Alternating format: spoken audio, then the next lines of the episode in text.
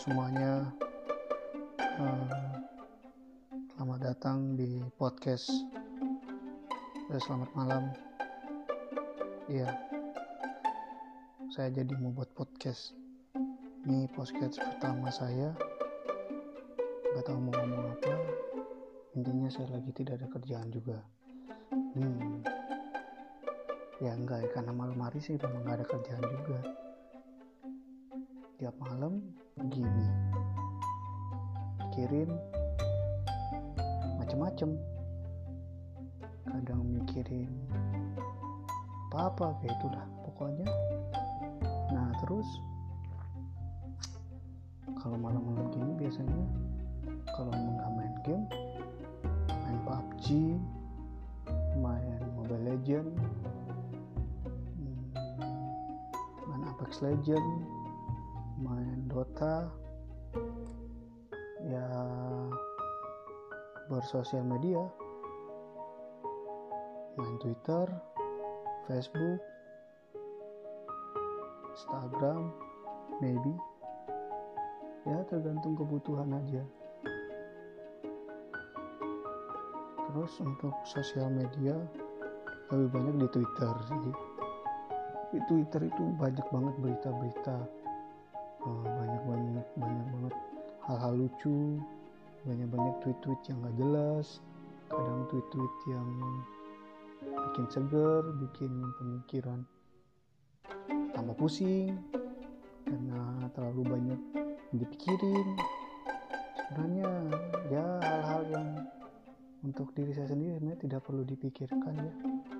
Cuman kenapa saya pikirkan ya nggak tahu juga sih. Pokoknya intinya itu ketika lagi buka Twitter buka Facebook itu kan banyak berita-berita banyak gambar-gambar. Uh, itu kan kadang-kadang banyak yang dikomen di reply dikomentarin sama orang-orang. Nah kadang komentar-komentarnya tuh lucu-lucu. Nggak tahu kenapa gitu. Hmm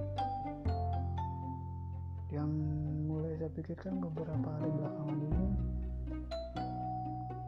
kan lagi musim virus corona covid-19 coronavirus disease 19 uh, semua orang ekonominya mulai lumpuh.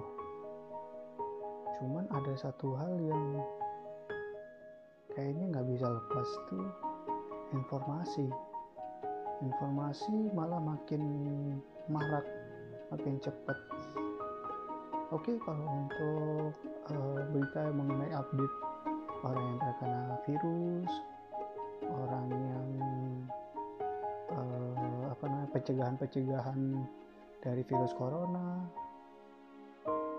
atau yang lain sebagainya lah. Pokoknya hal-hal yang masih berkaitan dengan uh, perkembangan uh, pandemik ini oke okay lah masih kita masih saya bisa terima. Hanya saja kadang uh, banyak statement-statement banyak hal-hal yang di media itu sebenarnya nggak penting untuk diberitakan gitu. Walaupun ya ya ya setidaknya itu tidak walaupun berita itu gimana ya ada hal-hal yang positif tapi selalu ada yang di negatif jadi kita selalu uh, ketika membaca berita itu selalu ingin berkomentar berkomentar.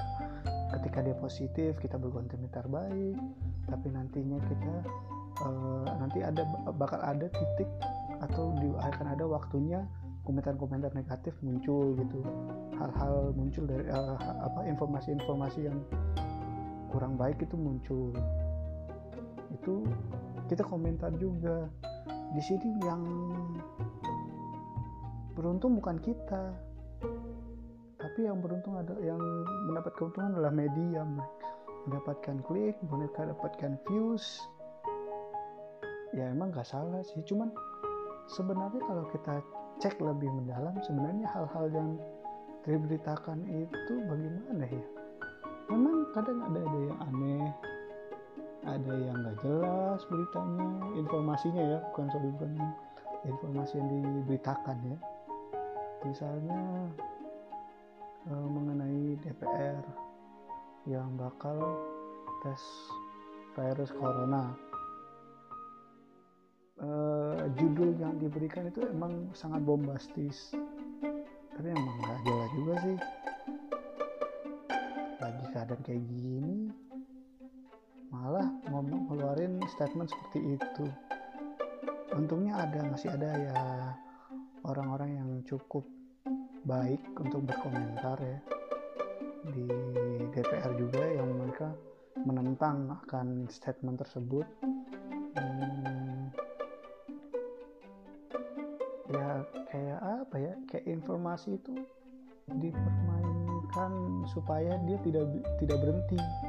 Mereka harus selalu terus dan terus dan terus selalu dibicarakan sehingga uh, berita yang muncul itu kadang-kadang hal-hal yang sepele hal yang tidak perlu diberitakan. Mending untuk coba yang lebih diberitakan tuh hal-hal yang mengenai perkembangan virus ini bukan hal-hal yang tidak penting gitu. Bagaimana uh, virus ini bekerja bagaimana uh, perkembangannya saat ini berapa orang yang meninggal apa saja tanda-tandanya bagaimana simptomnya uh, yang bisa dijadikan rujukan ketika kita sedang sakit. Apakah ketika sakit ini maka kita berarti sudah terkena virus. Itu kan uh, lebih baik ya. Cuman ya mau gimana lagi ya? Informasi emang harus selalu diberitakan. Informasi harus selalu selalu apalagi di uh, zaman seperti ini yang di mana segala sesuatu cepat. Coba bayangkan virus ini kalau misalnya berkembang pada awal abad uh, pada awal 2000-an ya mungkin penanganannya bakal lebih serius.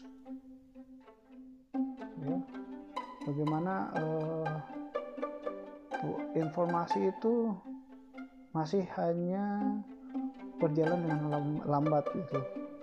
Ya memang ada baiknya juga dengan adanya internet semua informasi bergerak dengan cepat. Tapi kadang-kadang karena terlalu cepat eh, media-media berlomba-lomba untuk bisa mendapatkan uh, views gitu. Dengan mencoba begini jika cuma satu informasi yang diberikan maka eh, orang-orang yang membacanya hanya beberapa hanya hanya misalnya 100 ya sudah yang baca dan menyikapinya hanya 100 orang. Tapi kalau misalnya banyak berita yang diberikan walaupun hanya 10 tapi kalau berita yang diberikan ada 20 ya jadinya 200 gitu. Dan itu berita yang 20 itu tetap berjalan. Bakal ada orang yang bakal ngeklik memviews memviews terus. Dan itu membuatnya menjadi banyak sih